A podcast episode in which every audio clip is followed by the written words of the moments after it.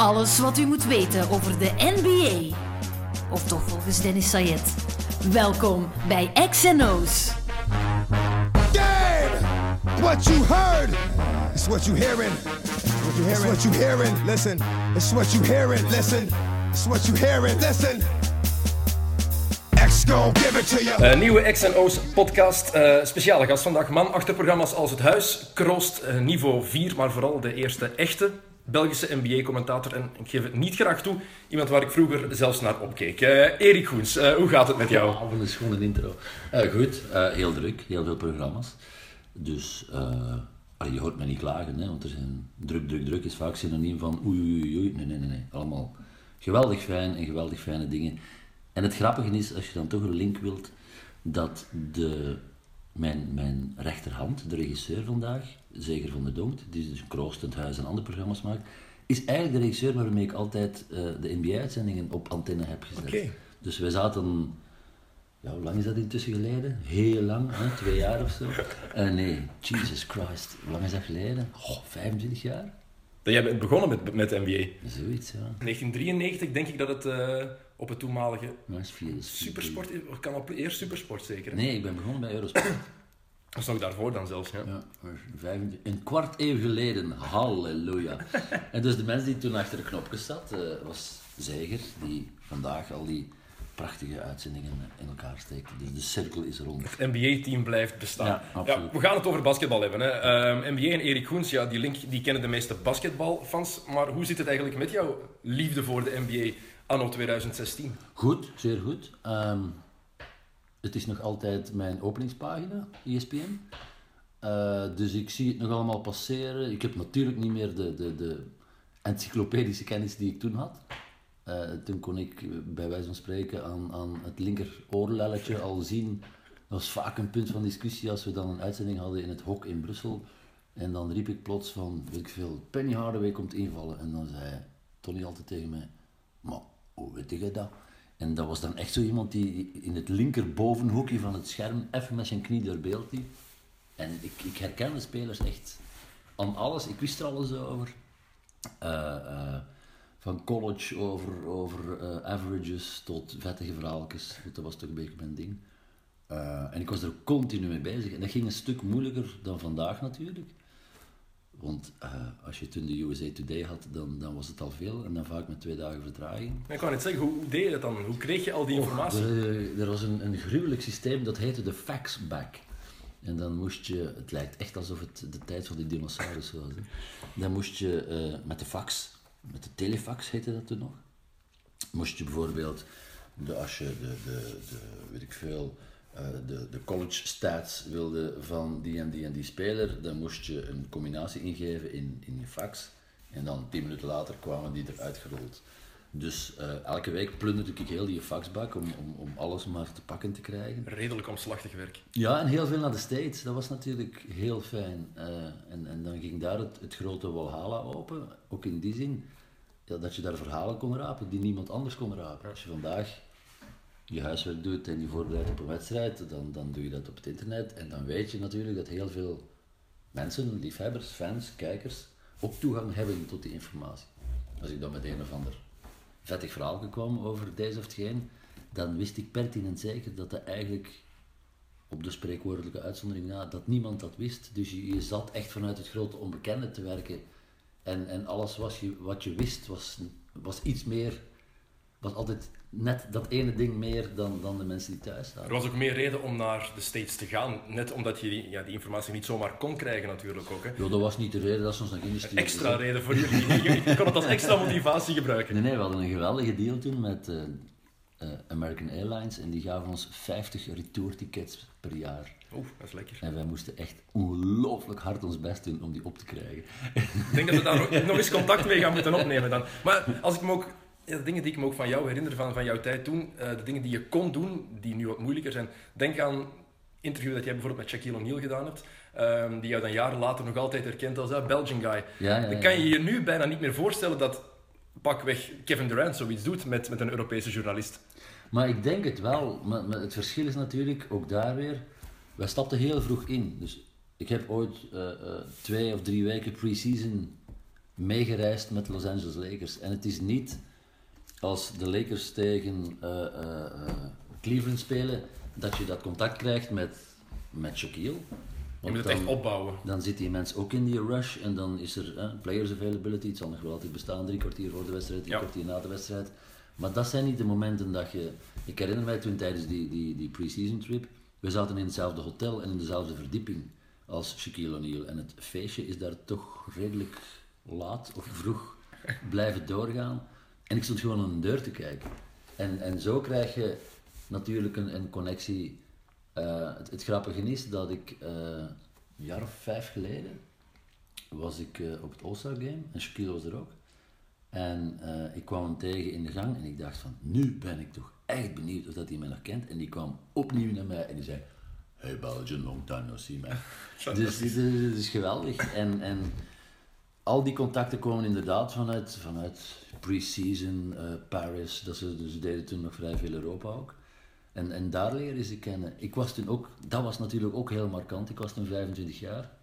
De gemiddelde leeftijd voor een Amerikaan om NBA-commentator te mogen worden circuleert rond de 70, zeg ik Ja. altijd. Als je 65 bent, dan ben je rookie.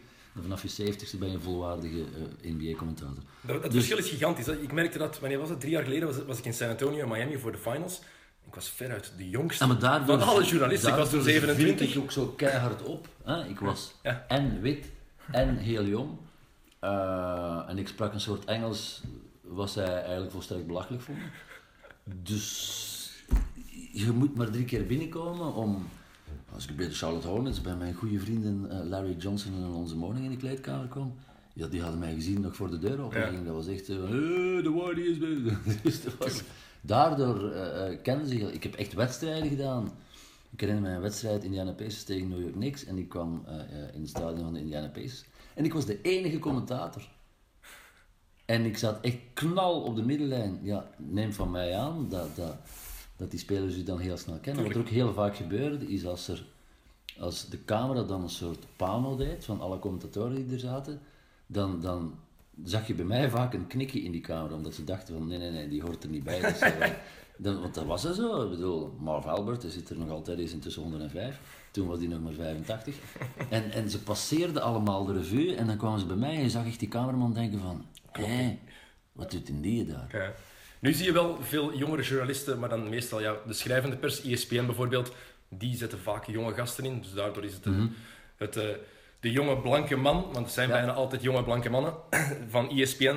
Ja, is dat min, een minder grote rariteit, maar bij commentatoren is het wel nog, zo- nog het geval inderdaad. Toen was het echt, dat, dat was, dus ook, ik, ik werd ook door de NBA zelf, werd ik, ik was zo l'enfant chéri van, van de NBA in New York. Ja, een, een, een, een, een jong broekventje. Dat, dat, dat, dat, eh, ik ben ooit nog opgevoed bij Jay Leno, omdat ik echt als een soort rariteit. En, en eh, dus ik, zat live in, in, in, in de Jay Leno eh, eh, show, zeker heette dat. Ja. Eh, en, en Leno ging mij testen op mijn kennis. Maar goed, ik had die, die, die absurde kennis. Ik wist tot nummer 12 wist ik wie er allemaal bezig was. Terwijl Amerikanen zijn heel beperkt in de kennis, die kennen starting five. En zeker als het de ploeg is waar ze maar één keer tegen, in het jaar tegen, tegen elkaar spelen. Als het pakweg Lakers tegen, tegen Cavaliers was, vraag niet aan één journalist van de Lakers wie er op dat moment bij de Cavaliers speelde. En dus de Jay, ik zal hem zo noemen, die begon toen heel voorzichtig zo van, what do you know about Shaquille? En op den duur waren we echt zo geëvolueerd bij, bij de, de, de, de, de zesde bankzitter van de Clippers. En ik bleef maar ratelen van college den die en stats den die en is met een die en heeft dat daaruit gestoken. En, en daar voelde je aan dat je een soort van, ja, dat je, dat je, je de, de, de vreemde eend in de bijt. En Ja. dat heeft heel fel geholpen. En dat is nu door, onder andere door het internet natuurlijk wel wat veranderd. Ja. Mensen weten steeds meer en meer. En ja, wat je zegt, die, die access, die toegang die jij had bij NBA-ploegen, ja, daarvoor moet je bijna een, een beatrider zijn. Je mag nog altijd een kwartier Ja. na de match erbij zijn, maar om een ploeg echt te kunnen volgen, moet je dat bijna het hele seizoen doen. Dan krijg je pas die echte band eh, met die spelers, Ik- merk je heel hard. Als je daar het komt. voordeel was ook, ik mocht er ook gewoon kloef neffens slaan. Niemand wist het. Ja. Ik heb, eh, dat is een van mijn allereerste wedstrijden, de finale tussen de, de Bulls en de Phoenix Suns. Eh, best of seven, denk ik. Of best, eh, Six. John Paxson. Ja, six, ja. Dat was nog bij Eurosport. En de hele wedstrijd lang wordt het mooie weer gemaakt door een meneer waarvan ik wist dat hem Johnson heette, maar ik wist ook niet meer dan dat. Ik heb die man, want er speelden toen twee Johnsons bij de Phoenix Suns. Ja, Frank de- en Kevin. Ja. was het Frank of was het Joe? Ja, Kevin was de, de starting point. Ja, dat was de starting point guard. Dus Maar Frank, dus- Frank was de backup, zeker ja, Frank Johnson. Frank. Ja. Dus ik heb die man de hele, de hele wedstrijd Frank Johnson genoemd. En eh, eh, in, in minuut laatst of zo komt er een tweede Johnson op het plein gestapt. En op die shirt stond dus F. Johnson. En toen dacht ik van, Jesus Christ, wat heb ik nu in godsnaam gedaan? Maar niemand wist dat. Ah ja, ik, want ik weet, de reden dat ik het ook niet wist, is omdat ik van die wedstrijd zelfs geen, geen, geen spelerslijst had gekregen. Ja. Ik wist niet wie er meedeed, dus ik had eh, in, in, de, in de USA Today had ik een spelersgrid gevonden zonder rugnummers, met dus de namen. Dat is ook de, de, de tijd dat ik het stelselmatig over Dan Majorly had. Eh, en dan moet je maar in, in, in de loop van de wedstrijd, ik had zo mijn, mijn namen op een, op een papiertje geschreven, en in de loop van de wedstrijd slaag je er dan in om nummertjes bij te schrijven. En jij zat daar ter plekke in het stadion, nee, nee, zaal. nee, ik zat gewoon in de kotteken in Want- Parijs voor Eurosport. Oké, want daar in de zaal krijg je nu wel wat je daar krijgt van informatie voor de wedstrijd. Het is fenomenaal. Je krijgt een halve boek, ook als je gewoon gaat kijken, hè, als, als, je, als ja, dat was toen ook, de, de media guides die waren ook eh, eh, eh, heel erg gewild. Maar dat was gewoon in, in een kotteke in Parijs voor Eurosport. Met de USA Today zonder nummertjes en gaandeweg Ja. ontdekte je de nummers. Ja, en dan ontdek je op het eind dat er twee Johnsons meedoen. Weet ik veel. Dat is goed gekomen hoor, achteraf. dat, ben ik, eh, dat weet ik, daar zijn we van overtuigd. Ehm, maar is pas, ja, van alles gebeurt weer in het basketbal, de Hall of Fame, een van de grootste classes ooit wordt gezegd. na die van grootste. 2009. De Die, van 2009 met MJ Nee, nee, gaat nee. toch moeilijk overtroffen worden De hoor. grootste ooit. Ja, dat zeg je voor één naam, hè? Ja. Eh, jouw man, Allen Iverson. Wat is dat met Erik Koens en The Answer? Ik weet het niet, ik vind dat een fantastisch ventje, altijd gevonden. Ehm, ik was ook altijd, want ik ben, ik heb mezelf nooit beschouwd als een sportjournalist, maar NBA was er voor mij de grote uitzondering op, omdat dat een soort samengaan was van, van sportjournalistiek en, en sociologie. En als je dan die mengelmoes, dat moeras bekijkt waar, waar Allen Iverson is in opgegroeid, eh, eigenlijk zat alles tegen, of zat alles mee om daar een soort eh, eh, heel grote gangster van te maken, Tuurlijk. die in, in een high security prison zat en er nooit meer was uitgekomen. Het heeft ook niet veel gescheeld, of het Nee, was effectief heeft, gebeurd. Het heeft inderdaad niet veel gescheeld. En, en dus alles zat tegen. En het, het was ook gewoon een gangster. Als je er naar keek, dan, dan zag je eerst die juwelen komen. En een kwartier later kwam Allen Iverson binnen. En die possie ging er rond. Dus dat intrigeerde mij enorm. En daar tegenover staat ja, een, een, een, een fabelachtige speler. Want weet je, het is net iets makkelijker als je luistert naar de naam James en je zet gezegend met een stierenlijf om, om, om je dan ook fysiek te onderscheiden en, en daar leg je dan een laag techniek over. Maar ook daar, Iverson had niks om NBA-speler te worden. Dus die, die, die, had, die had een soort slungelachtig lange armen. Die, die, die, die, ik, heb die, ik weet niet of dat je Iverson ooit van dichtbij gezien hebt. Dat is bijna een misgroeiing, de lengte van die man zijn armen. Dat is fenomenaal. Dus die, die hangen bijna... Als ik recht sta, hè, en als iedereen recht staat, dan hangen nu uw handen net iets over de heupen. Bij, bij Iverson hangen die tot aan zijn knieën. Wat hem enorm geholpen heeft in zijn carrière als Natuurlijk, speler ook natuurlijk. gigantische balvaardigheid kreeg. En dan de killer crossover, dat woord mag bij niemand anders gebruikt worden dan bij Allen Iverson. Eén iemand. Nee, nee, nee. Tim Hardaway, Nee, kom op. Nee, nee, nee. Erik, Die- Tim Hardaway. Die was veel sneller versleten. Ja, ja, met, ja, maar die crossover, Tim Hardaway, oké. Ik, maar snap, ik snap wat je bedoelt, maar... Allee, ik denk dat, dat Iverson tientallen enkels heeft gebroken. Zelfs die van Jordan. Dus- dus- Zelfs die van Michael Jordan. Als je dan ook die finale ziet, het feit dat, dat de Sixers eh, erin geslaagd zijn om die finale te spelen, maar eigenlijk laten we wel wijzen een, een, een, een schoolploeg. Van, van de notoire grootheden als Theo Radcliffe en dat soort... eh, Radcliffe was toen weggegaan halverwege het jaar, want toen hebben ze Mutombo, hebben ze Mutombo in de Ja, plaats gehaald. Die was het Eric Snow, Aaron McKee. Dat was echt Allen Iverson, from start to beginning. Ja. En ik vond dat, ik vond het een, vond dat bijna tragisch dat die mensen niet gewonnen heeft. Want het, dus ik heb een soort idolatrie eh, voor, voor Allen Iverson. Ik heb ook van de NBA, toen ik, toen ik eh, wegging, heb, ik, heb ik twee shirts gekregen. Eén van, van de Lakers, want dat zal dan wel zo horen zeker, dat je iets hoort te geven van de Lakers. En daar stond dan eh, een nummer op met mijn naam. En dan heb ik eentje gekregen van de Sixers, Real Size, met uh, Iverson en zijn nummer op. En, en, ze wisten het ook daar, dat ik, dat ik, ja, ik, ik, ik had het heel erg voor dat ventje. Ik vind het ook verschrikkelijk hoe die eigenlijk is uitgedoofd, nog in Turkije gespeeld. Uh, of, of, tien wedstrijden bij Besiktas gespeeld. Ik kan net zeggen, of niet gespeeld. Ja, tien matchen.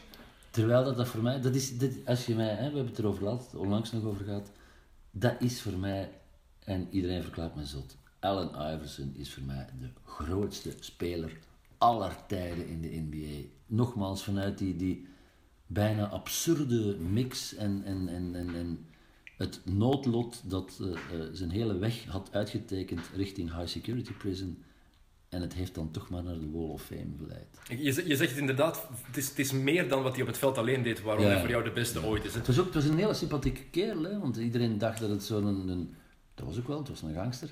Maar je kon er heel rustige, fijne gesprekken mee. Ik heb er een paar grote interviews mee gedaan. En dat was een van, van de meest aimabele mensen. Ik, we kennen elkaar ook. Uh, maar dat was echt een heel aimabele gast. Win or lose. Dan, dan had hij zoiets van, oké, okay, have a seat. Uh, uh, go ahead. Wat ik jammer vind bij, bij het hele Allen Iverson verhaal, je zegt dat hij is een beetje uit de gratie gevallen van de NBA, nu weer opgepikt, mm -hmm. zoveel jaar later. Maar als je Allen Iverson zegt aan heel veel mensen, denk dat 90% denkt als eerste denkt aan, you're talking about practice. We sitting here, I'm supposed to be the franchise player, and we're in here talking about practice. I mean, it, listen, we're talking about practice. Not a game, not a game, not a game. we talking about practice. Not a game. Not, not, not the game that I go out there and, and die for and play every game like it's my last. Not the game. We're talking about practice, man. I mean, how silly is that, man? We're talking about practice. I know I'm supposed to be there. I know I'm supposed to lead by example. I know that. And I'm not I'm not shoving it aside, you know, like it don't mean anything. I know it's important. I do. I honestly do. But we talking about practice, man. What are we talking about? Practice? We're talking about practice, man. We talk, we're talking about practice. We're talking about practice. We ain't talking about the game. We're talking about practice, man. When you come in the arena and you see me play, you see me play, don't you? Absolutely. You see me give everything I got, right? Absolutely. But we talking about practice right now. But it's an issue that you're We talking about pra- you to raise. Man, I look, I hear you. I it's funny to me too. I, mean, it's strange. It's strange to me too. But we talking about practice, man. We're not even talking about the game, the actual game, when it matters. We're talking about practice. Dat is het, het, eerste dat bijna altijd opkomt als het over Allen Iverson gaat. Die ene persconferentie waarin het over ja, practice ging, zo gezegd. Terwijl dat een van de meest misbegrepen maar, persconferenties aller tijden is. Hij praatte, hij praatte toen over de dood van een van zijn beste mm -hmm. En hij was gewoon duidelijk aan het maken: jullie beginnen te zagen over practice, over, over training, terwijl mijn beste maat overleden is. En maar er wordt zo'n momentopname uitgehaald, wat nog altijd voor iedereen zo vers in het geheugen ligt. Amerika is natuurlijk een, een, een geschift land op dat vlak. Uh, je, kan, je kan honderd goede dingen doen en dan is er plots één ding. Bij Iverson waren er wel meerdere dingen. Maar je kan één ding verkeerd doen en dan, dan kleeft dat voor de rest van je leven en de eeuwigheid aan je vast. We, krijgen dat in Europa ook een beetje vandaag, dus het is, het is, is van kinderen overgewaaid. Dus je krijgt op een bepaald moment vanuit, vanuit ja, we zullen het maar noemen zoals het is, vanuit die, die white uh, uh, man's audience en, en, en press, krijg je een etiket en dan... Er waren heel veel mensen, dat merkte je ook, die, die bijna naar Iverson kijken. Dat mocht ik allemaal niet zeggen vroeger, want dan gingen in al boos zijn. Maar ze gingen bijna naar de zoo. Ze gingen naar een attractie kijken, want het komt toch niet dat zo'n gevaarlijk, klein, zwart, griezelig manneke dat hij zo goed was. En dan waren ze bij wijze van spreken al, ik overdrijf wel, maar goed. Na de wedstrijd waren ze al blij dat ze het overleefd hadden, want we've seen Allen Iverson. Dus die mensen die, of het nu, of het nu die persconferentie was geweest of iets anders, dit is gewoon the man you love to hate. En, en die ook nooit, waarom houden, het is mijn volslagen raadsel, maar waarom houden de, de Amerikaanse basketballiefhebbers Waarom houden die meer van Rick Smith dan van Allen Iverson? Daar, daar moet toch de doodstraf op staan. dus, dus dat is een soort... Ja, het, het, is vaak, ik heb het ook vaak genoeg gezegd, uh, it's, it's a black man's game for a white man's audience. Ja. Vandaar ook dat je altijd die, die witte harken hebt, of had, ik weet niet of het nog zo is, die witte harken hebt die man 10, 11 en 12 zijn. Dat is voor de blanke stropdassen die in het publiek zitten. En, en Zo zijn er nog altijd. Kijk naar een Brian Scalabrine, Jimmer Fredette, die nu zelfs niet meer in John de NBA zit. Konkak. Tony Eh. van den Bos begint nu te lachen als hij dit. John Konkak. John Contract. Je had, je, je had er altijd zo'n paar die, waar je van dacht, hoe kan, hoe kan het in godsnaam dat jij in de NBA Ja, speelt? Ja, in, absoluut. eh, Absoluut. Slachtvee, hè? Eh, eh, eh, sparringpartner voor, voor de, de, de grote big star. Allen Iverson wordt ook een beetje gezien eigenlijk als zo, ja, het begin van de, van de gangsterperiode in de NBA eigenlijk. Ja, de eerste die die, die die kledingstijl heeft eh, toegevoegd. De eerste die echt ervoor heeft gezorgd dat hip-hop en NBA ja, samen gingen eigenlijk. Dat dat één begrip werd bijna. Dat is allemaal dankzij Allen Iverson. Die link Ja. was er al langer in college, ehm, op de playgrounds. Het was er altijd al, maar Allen Iverson heeft het mainstream gemaakt. Ik weet dat ik, ik herinner me dat ik op zeker ogenblik heb gelezen dat, dat Nike vijf of tien mensen eh, had verplicht om in de ghetto's te gaan wonen. Om als eerste de nieuwe trends te detecteren. Want het waren inderdaad ja, de ghetto kids en dus eh, eh, t- bij gevolg ook de Allen Iversons van deze wereld, die de mode bepaalden. En soms was dat heel absurd. Er is zo'n periode geweest, die is gelukkig nooit overgewaaid, maar dat was echt absurd als je dan in de kleedkamer stond, dat ze hun, hun kleren binnenste buiten aandeden. En ik weet nog, de eerste keer dat ik dat zag, ik niet meer bij ik denk dat bij Sirix Ballas was. En die trok zijn t-shirt binnenste buiten aan en ik zei van, hé, hé, hé, hé, je hebt je t-shirt binnenste buiten aan. En die keek zo naar mij met zo, eh, the usual blik, zo why die shut the fuck up. En, en, en, en dan zie je dat, ik zeg het, het is nooit overgewaaid, want er zijn heel veel trends die zich natuurlijk nooit doorzetten. En je vraagt je ook af, hoe ontstaat zoiets? Maar zo die weken daarna zag je plots een hele hoop eh, eh, basketbalspelers, NBA-sterren, die hun kleren binnenste buiten aantrokken. Dan denk en je kunt daar nu om lachen en dat belachelijk vinden, maar voor hetzelfde geld wordt het een trend, hè? Over vijf jaar of over tien jaar. Oh, oh, weet je wat, we gaan ons kleren binnenste buiten dragen. Wat was de trend toen ik de laatste keer in de kleedkamers was? De laatste twee jaar was dat. Ehm, ja, ze, ze lakken hun teennagels. Oh ja, ja, dat was toen ook al. Hè? Dat, dat, blijven, ze- dat blijven ze ook mooi doen. Ja, ja, ja. Ja, en Allen Iverson trouwens, hij is ook de reden voor de dresscode. Hè? Ja, David ja, Stern heeft dat echt ingevoerd omdat Allen Iverson er soms een beetje over ging. Met Eh, alle respect. De broek, maar als je, als je buiten maakte, komt. De broek maakt een loopfout. Ja, inderdaad. En dan zo buiten komen met een klok als ketting. Zo zijn er ook, ik weet niet of het Iverson was, maar ik herinner me NBA-spelers die echt buiten kwamen met een, een gigantische ketting en daar gewoon een klok aan. Ja, sorry maar. Jewelry, hè? Ook, ook eh, als, er, als er dan, het gebeurde niet zo vaak, maar als er dan iemand bestolen werd in de kleedkamer, ja, dan werd de buit geschat op, ik zeg maar iets, 230.000 dollar. En dan denk je van, Tuurlijk. Jalen Rose die vertelt er vaak over, die heeft nog altijd een, een armband en hij noemt dat de mansion. Omdat het evenveel dus waard is als een huis. het is absurd, het is echt... eh.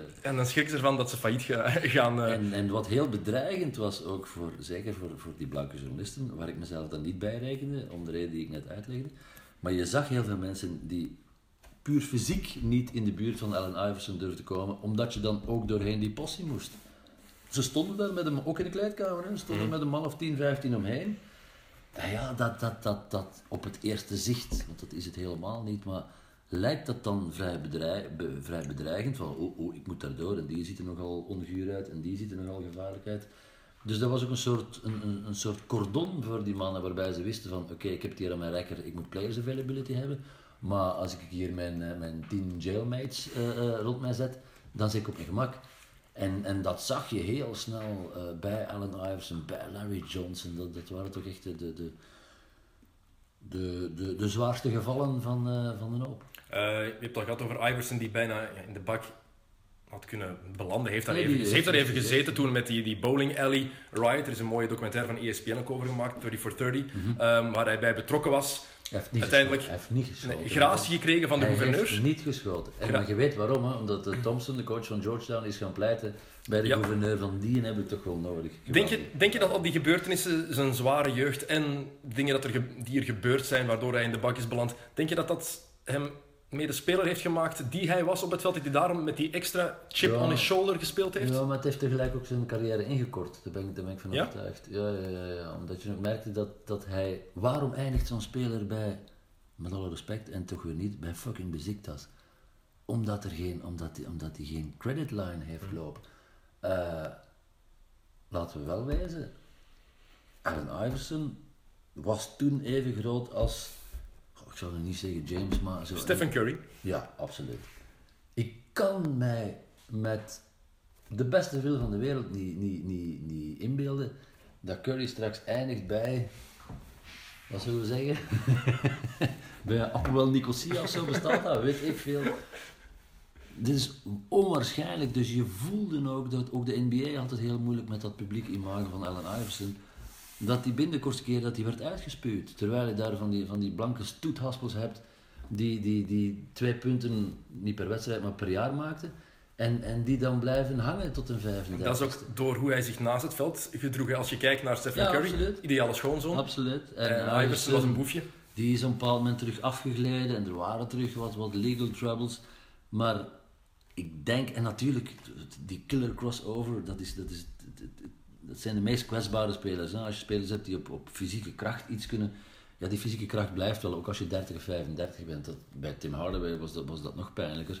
Zodra die crossover dribble dan weg is, dan hou je eigenlijk een, een, een bijna middelmatige speler over. Dat geldt in mindere mate voor Allen Iverson, maar dat was daar zeker het geval. En dan, hij had dan ook blessures en, en dat soort dingen. Maar ik, ik ging er altijd vanuit van, goh, die zal een dipje hebben van een jaar of van twee jaar en dan komt hij wel terug. Maar toen was, was, was zijn, ja, zijn blessuretijd, of niet zijn, maar zijn reservetijd was al lang op en die moest zo snel mogelijk weg. Ja, de killer crossover, je hebt het al een paar keer eh, vernoemd, daar staat hij echt nog extra onbekend. Hè. Ehm, tijdens een Hall of Fame speech, die trouwens fenomenaal was, als die nog niet gehoord heeft, doen. Ehm, nog nooit zoveel mensen horen bedanken in mijn leven, zelfs Tupac en Biggie. I want to thank uh, Biggie Smalls, Redman, Jadakiss, Tupac, and Michael Jackson for being my theme music throughout my career. Zelfs God, hè. Ja, ja, Zelfs zelfschot. And that's crazy to think that you're the best football player in the world, which I did, and to be and to be sitting up here as a Hall of Famer in basketball. You tell me God ain't good. Wat moet je allemaal meemaken in je, in je mensenleven om dan toch niet één keer God te hoeven bedanken? Want ik zie niet in waarom Iverson God zou moeten bedanken. God heeft zijn leven voor een deel op de kloten geholpen. Wat hij ervan gemaakt heeft, heeft hij... Maar misschien, misschien heeft God er ook voor gezorgd dat hij een levenslang contract bij Reebok heeft. In zijn Nee, ogen. dat, eh, dat heeft Reebok geregeld met de, met de moeder van Iverson, denk ik. Ook een eh, mooi figuur. Maar daarin zei je van, eh, die killer crossover, ehm, ik heb die geleerd van een ploegmaat in high school. Een gast die nooit van de bank kwam. Maybe I wouldn't be standing here if it wasn't for Dean Barry teaching me the crossover. Um, a walk on. Man didn't even have his name on the back of his jersey.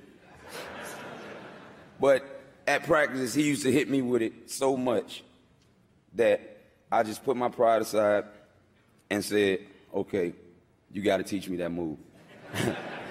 and I stayed after practice with him every day to learn that move.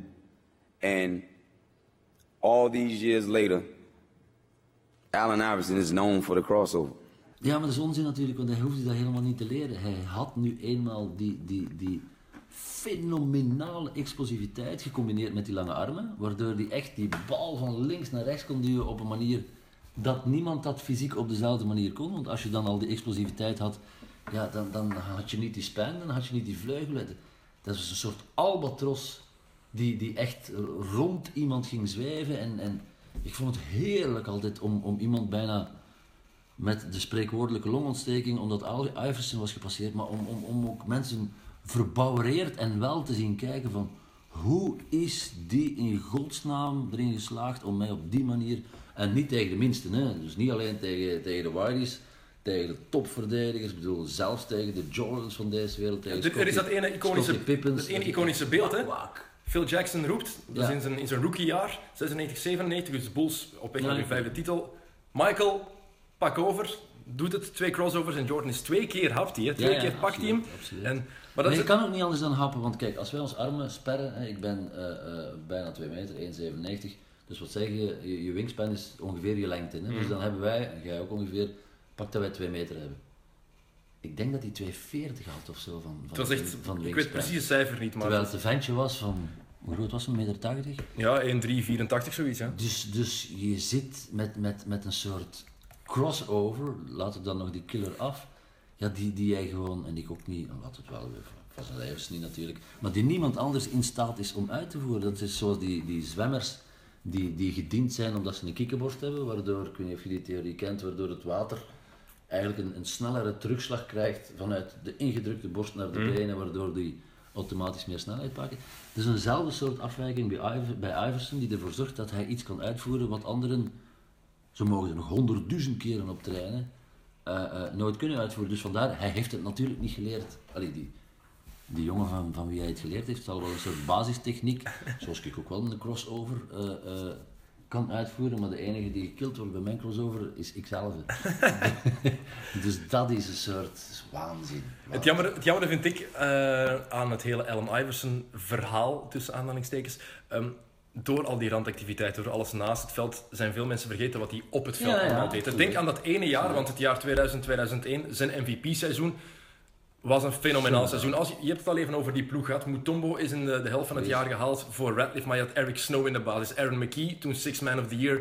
Popeye Jones, was, was hij daar ook niet toen in de ploeg?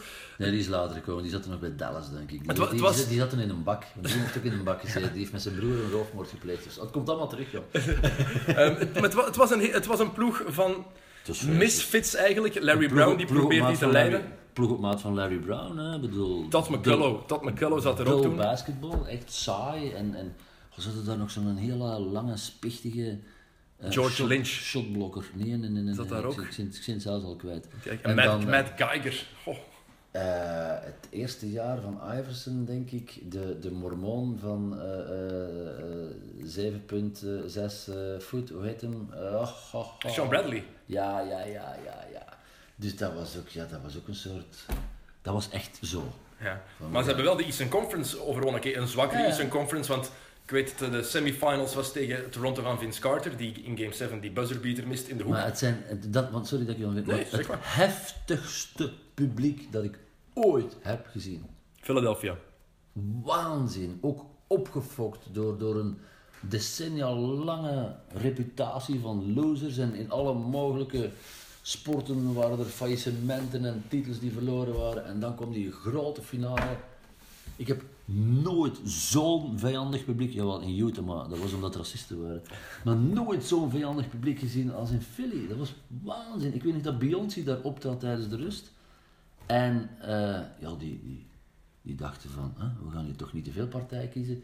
Dus ze hadden een shirt aan. eh Beyoncé had een, nee, hoe heet die groep weer waar Beyoncé in begonnen is? Destiny's Child. Destiny's Child. Dus het ene meisje had een shirt aan van, van, van de Sixers en het andere, en ik denk dat Beyoncé een, een, een shirt aan had van de Lakers. Van Kobe waarschijnlijk. Iedere keer, maar iedere keer dat hij haar mond opendeed om te zingen, een streamend fluitconcert, waardoor je Beyoncé gewoon niet gehoord hebt. Dat was een, dus een heerlijk nummer, namelijk er wordt gezongen, er wordt 15 seconden gefloten, er wordt 10 seconden gezongen. En die zaal kookte echt, dat ik dacht, van, dit, dit, dit gaat hier fout lopen. En ja, dat soort atmosfeer, daar, daar hield ik geweldig van, omdat je ook, als je dan in zo'n atmosfeer commentaar zit te geven, dan, dan, Dat is fenomenaal. ja, dan word je Ja. opgefokt, dan gaat je mee in die wedstrijd. Ik had de neiging om af en toe nog eens tekeer te gaan tijdens de wedstrijd. Hey, En- preach to en the choir. Dat was echt, dat ik daar geen oorschade heb ge- opgelopen heb, ik weet het nog altijd niet, want ik, ik zette dan ook altijd mijn hoofdtelefoon op 10, want anders hoorde ik gewoon niks.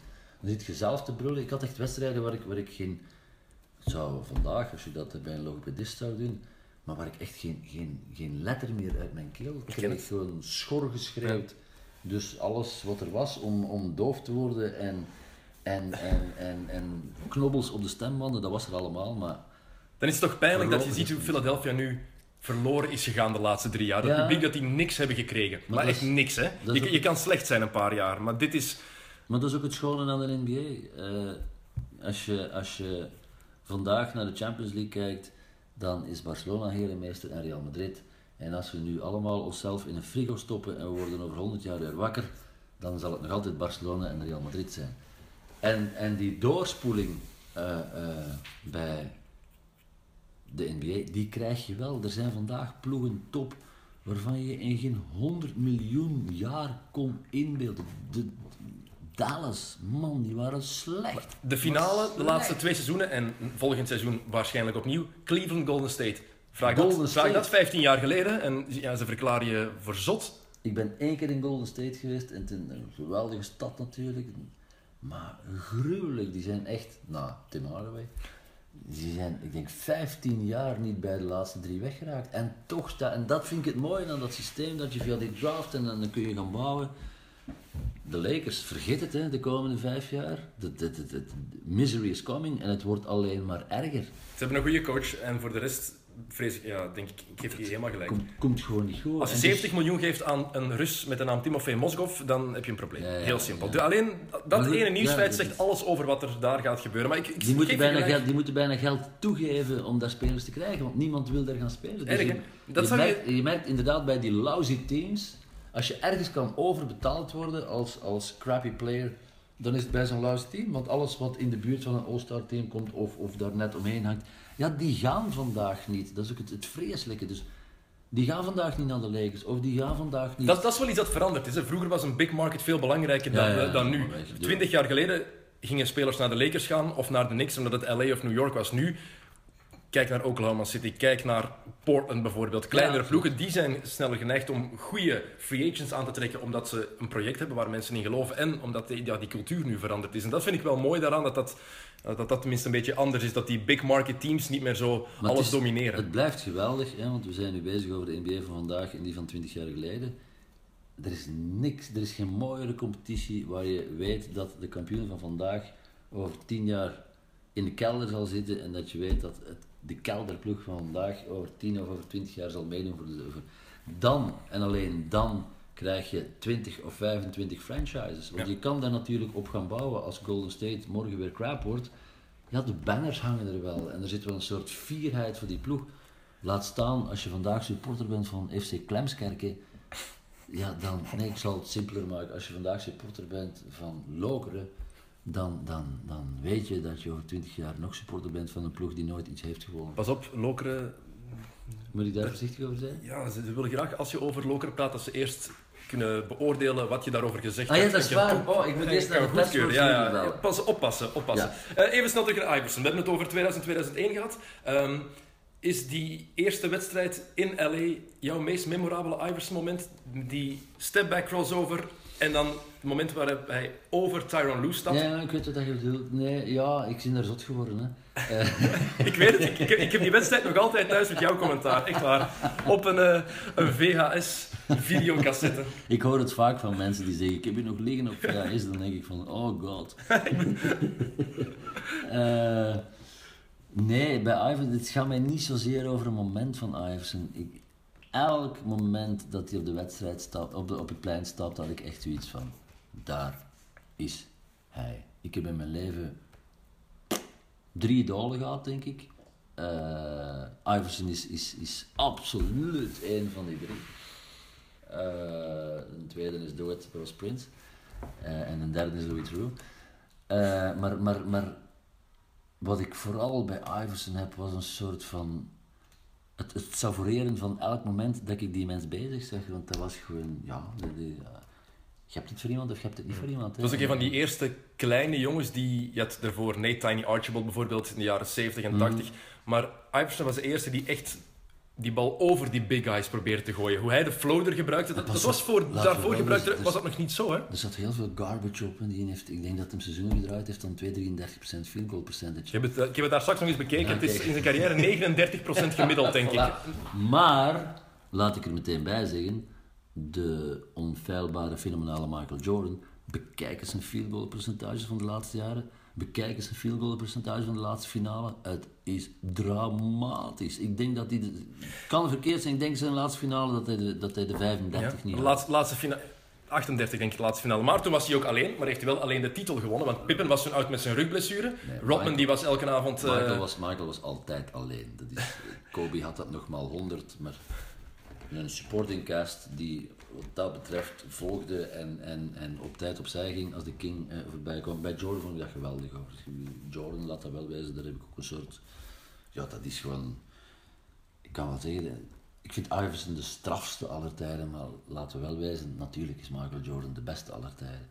Eh, als we nu twee pieten zouden drinken, dan zou ik waarschijnlijk zeggen dat Iverson de beste aller tijden is, maar dat heeft dan te maken met de idolatrie. Maar, maar Jordan heeft het ook allemaal voorgedaan in een tijd dat dat helemaal niet hoorde. Dat, dat, dat, dat, dat, de- die souplesse, die, die elegantie die erin zat. Het, dat was een, een, een eye-opener. Dat je dacht van, oh, Dat heb ik basketbal kan ook anders gespeeld worden dan door Larry Bird en Kevin McGill en, en, en, en, en dat soort eh, slachtvee waarvan je altijd dacht van, laat de wedstrijd zo snel mogelijk voorbij zijn. Het was altijd zo mooi gewoon te zien. Ook al Ja, speelde hij ja. een kutmatch. Omdat het zo nieuw was ook. Ja. Ik bedoel, als je vandaag naar een wedstrijd kijkt, dan, dan, dan zie je iedereen in een 360 of een 720. Dat is waarom mensen nu Stephen Curry ook zo fantastisch vinden. Ja. Hè? Wat hij doet is ook nieuw. Ja, iedereen kon drie punten Ja, snellen, maar niet op de manier waarop Stephen Ah, ik Curry dat doet. Dat ik, vind, is, ik vind hem, die vind ik echt geweldig. Eh, is heel traag gekomen eigenlijk. ja, die enkelblessures, hè, die hebben hem zo ja, apart dat, je, dat je denkt van het, het, het- en dan als hij dan plots goed begint spelen, dan denk je van, joh, het zal wel, hè, het zal drie maanden zijn en dan zal het over zijn. Maar dat vind ik, ik heb, ik heb, ik heb altijd op een of andere bizarre manier sympathie gehad voor Golden State. Ik had eigenlijk wel heel veel sympathie voor de ploegen die er nooit aan te pas kwamen. Eh, eh, ik, ik had het geweldig voor de Clippers. Oei. Eh, ja, ja. En toen nog in, in hele zwarte, heel tijden, in hele zwarte raciale tijden, dan heb ik het vooral de over Danny Manning tijd en zo. ja, over de eigenaar die, eh, Ah Donald Sterling. ook- die ook ons ooit eens de, de kleedkamer heeft uh, uitgeflikkerd. Is het echt waar? Ja, omdat we een kritische vragen hadden gesteld. Ah. Maar toch op een of andere manier had ik zoiets van, ah ja, cool. En, en Miami was toen ook heel slecht, dus dat, maar goed, wie houdt er nu niet van Miami? Maar ik had eigenlijk veel meer sympathie voor, voor, voor, voor die slechte ploegen dan, dan voor die middle-of-the-road ploegen. Of zo van die, van die eeuwige, we zijn er altijd bij, maar net niet zoals Utah. Utah vond ik verschrikkelijk. Ik heb er twee keer drie weken gezeten. Gruwelijk. Eh, je moet het maar eens vragen aan een Tony. Onze NBA-regisseur nu, Mark Heren, gaat het niet graag horen. Hè, dat je zijn Utah zo, eh, Oh, zo echt, afbreekt. eh, oh, la, la, la, la, la, la, la. En dan nog met de vreselijk antipathieke Carl Malone. En dan de, de gesteven, plechtige communicant John Stockton. Het, zal wel dat hij fenomenaal is, maar het is het soort fenomenaliteit eh, wat mij toch aan mijn Ik ben zal ook, roesten. ik ben ook geen, eh, geen Utah Jazz van, van die tijd, dus ik kan je, daar, ik kan je daar helemaal in volgen. Ehm, ze hebben ook niks gewonnen. Ik vind dat helemaal niet zo erg, eerlijk gezegd. Nee, nee, Mag ik- nee, nee. Over die tijd mag ik, mag ik subjectief zijn, over de deze, ik nu moet ik elk jaar objectief zijn. geweldig uit naar de finale, want dan gingen we dus drie tot vier weken ter plekke. En dan, ja, dan wist je eigenlijk pas de avond voordien waar je naartoe ging. En dan had je zo van die avonden dat je dacht van, oké, gaan we straks twee weken naar Chicago en twee weken naar LA? Of wordt het helaas twee weken Cleveland en twee weken Utah? En ik kan u verzekeren in het tweede geval dat je echt iets had van, holy crap, niet weer naar die hormonen. Maar Iverson heeft ook nooit een titel gewonnen, natuurlijk. Hè. Nee, Eh, nee, Is dat een, een smet op zijn carrière voor jou? Nee. Kort maar krachtig, nee. Goed, Erik, nog eh, kort even, want eh, ik ga je zo meteen eh, uit je lijden verlossen. De NBA nu, we hebben het al heel even over gehad, maar wat vind je daar eigenlijk van? Van de NBA 2016, want jij bent de man van de jaren 90, hè? over de NBA, het is toch zo? Ik heb al voor minder slagen en tegengebracht.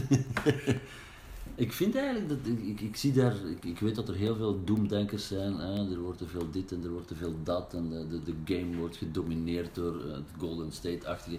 Maar ik vind in atletisch vermogen vind ik dat eigenlijk op, op vind ik dat een hele logische evolutie. En dan zijn het de centers en dan zijn het de shooters. En, en, en alles komt terug en gaat weer weg. En als er morgen een soort Shaquille opsta, opstaat, dan wordt het weer een big man's game. Dus ik, ik, ben, ik behoor zeker niet tot mensen die zich zorgen maken omdat alles, eh, die, driepuntmeter, die driepuntenlijn, die moet een meter achteruit, want dit en dat. Nee, nee, nee, nee, nee. The game will survive. Zoals David Stern het beetje pathetisch zou zeggen. Het enige jammer nu is dan, het is het einde van de generatie. Kobe stopt, Duncan gestopt, Garnett gaat stoppen, Iverson is weg. Jammer dat die grote namen niet meer zijn, maar als Maar je kijkt wat daar ook zit aan te komen... is al lang afgelost. Ja, maar als je kijkt wat daar zit, nog zit aan te komen, zoals kijk nu bij Minnesota en, en, en Ja, Towns en. Wiggins, dat zijn dingen om wel enthousiast over te worden ook, vind ik toch. En, en je hebt niet echt een gat tussen de generatiewissels. En dat is vrij opvallend. Want er zijn periodes geweest, hè, als Jordan wegviel, dan stond daar niet meteen iemand nieuw. En als Penny Hardaway bijvoorbeeld, als die dan geblesseerd uitviel en moest afhaken, dan was er ook zoiets van, ai, hè. je merkt gewoon, dat heeft natuurlijk ook met de hype en de media-aandacht te maken, maar dat er vandaag beduidend meer superstars zijn dan, dan 10 of 20 jaar geleden. Dat betekent niet dat ze allemaal beter zijn, maar die, die, die continuïteit zit, zit gewoon dikker.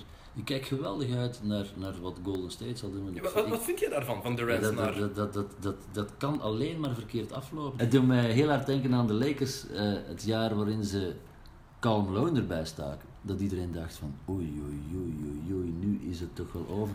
First round exit? Nee, finals gehaald. Hè. Verloren toch van wel. Detroit. Met eh, Malone en met Peyton hebben ze de finale verloren van de Pistons. Eerste match gewonnen en dan vier op een rij. De geschiedenis kleurt het bij dat je denkt van first, maar het, het, het is nooit wat geworden. Het was ook niet goed, het was niet mooi. Toen was Malone niet- natuurlijk wel op het einde van zijn carrière. Durant is, is ja, Ja, maar iemand, bijna. Iemand zal moeten inboeten, want het is volstrekt onmogelijk dat je straks met drie mensen zit die 30 punten per wedstrijd maken. Dat is gewoon, dat is fysiek, of wel fysiek haalbaar, maar dat, is- dat is in die, in, die, in die vier quarters is dat gewoon niet haalbaar.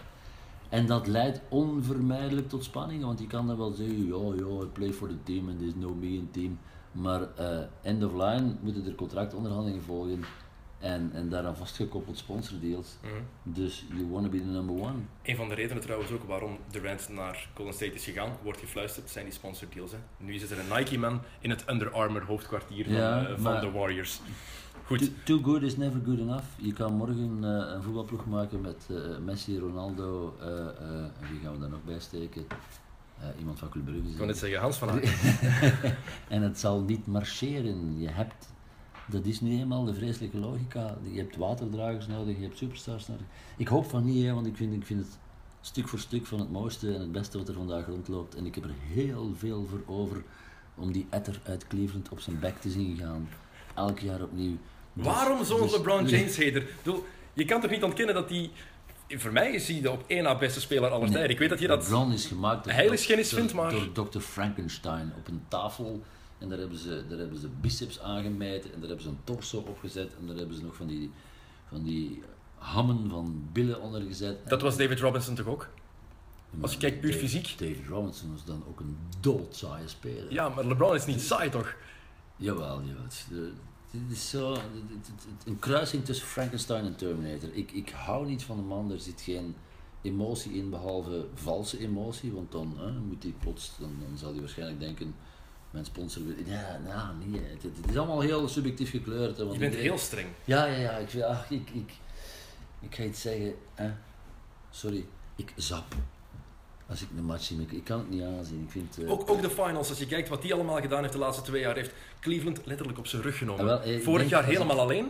Als ik vandaag commentaar zou geven dat eh, menig fan van Cleveland zich blauw zou ergeren omdat ik die waarschijnlijk in, in strakke combo met de altijd nuchtere en ernstige Tony van den Bos, dat ik die waarschijnlijk eh, het ene oor na het andere zou aannamen. Ze zou je vieren delen, want ik moet zeggen, ehm, Is nu, ik, word, ik word nu al ehm, vaak eh, veroordeeld tot LeBron-hater, terwijl ik openlijk zeg, ik vind LeBron de op één na beste speler aller tijden. Meer liefde kan je hem bijna niet geven, denk ik, want Michael Jordan, dat is nummer één, dat gaat altijd zo blijven bij mij tot ik sterf. Dat niet zeggen dat, dat Voor mij, dat is, die gast heeft Cleveland alleen naar de finals geleid. Vorig jaar heeft ze bijna alleen de titel bezorgd. Nu heeft hij ze teruggebracht van een 3-1 achterstand. Nooit gebeurd. Weet je, er komt Ik snap dag- dat je zijn stijl misschien niet mooi vindt, maar je kan niet ontkennen wat hij gedaan heeft. Er komt een dag dat er ze een soort robot gaan maken. En dan niet alleen om het eten te maken in de keuken, maar dan ook een soort robot game. En ik denk dat ze die een dag zullen beslissen om die van Cleveland te reanimeren. En dan, dan heb je de, de perfect human machine. Maar het, ik, los daarvan, hè, ik vind hem ook niet mooi om naar te kijken. Er, er is zoiets, als ik hem bijvoorbeeld die, die, die bal zie, zie opdrijven, er, er hangt toch iets onbehoudends aan, waarvan ik denk van, we hebben het net, net over de sierlijkheid en, en de poëzie gehad van, van, van Michael Jordan. Dat zie je toch niet bij die van Cleveland. Het is meer kracht, het is meer atletisch vermogen. Maar, maar wat, wat voor mij bovenuit steekt bij hem is zijn, zijn basketbal-IQ ook. Is zo'n ongelooflijk verstandige speler. Dat in combinatie met die fysieke mogelijkheden, nooit geblesseerd geweest. Die gast heeft al meer dan 190 playoff matchen gespeeld. Hè. Nog nooit heeft hij een match moeten missen in de playoffs. Nog nooit. zeg het Dat is waanzinnig. is Oké, maar het moet... Het is, het is gemaakt op een tafel. Hè. Als ze die ooit opensnijden, dan gaan ze, dan gaan ze draadjes vinden en, en ijzeren onderdelen. Die- dus- pas op, hè. You heard it here first.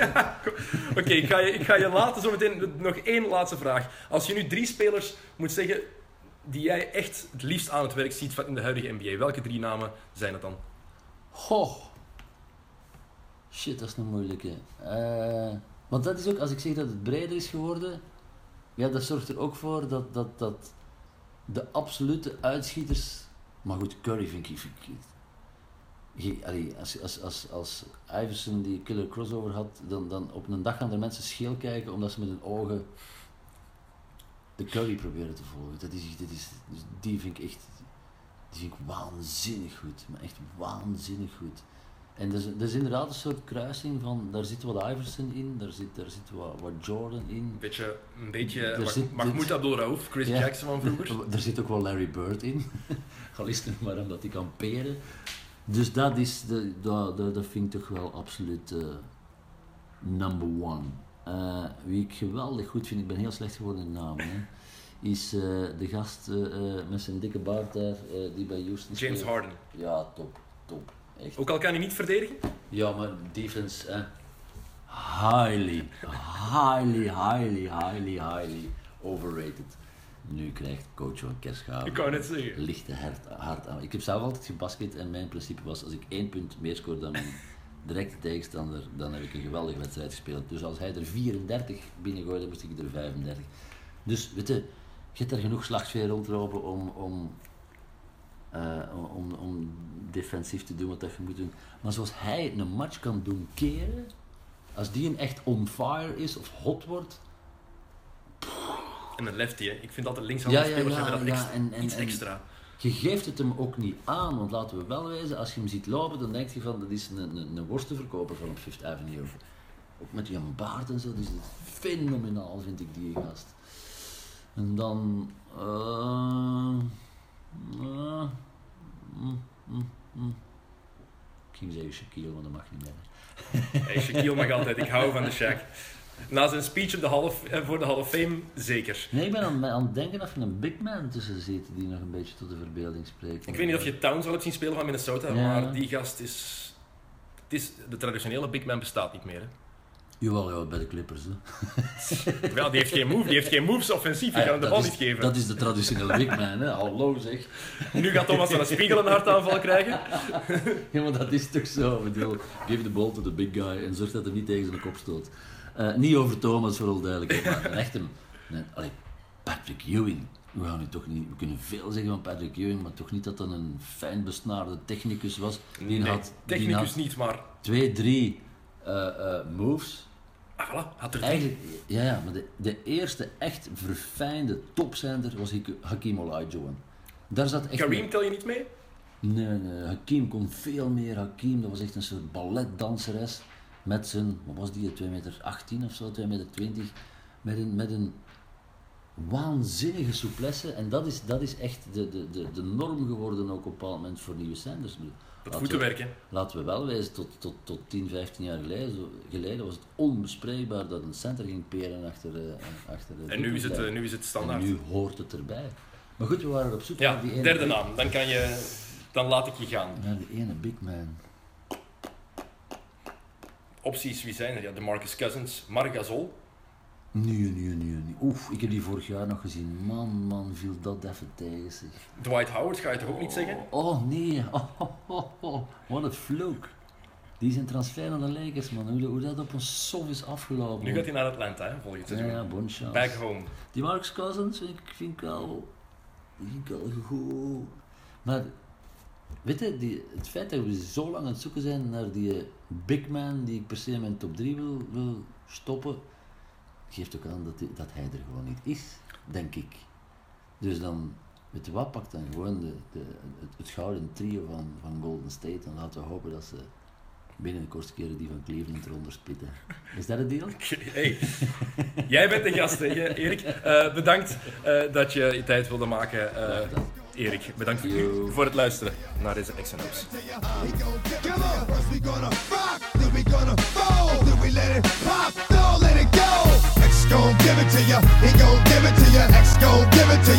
X gon'.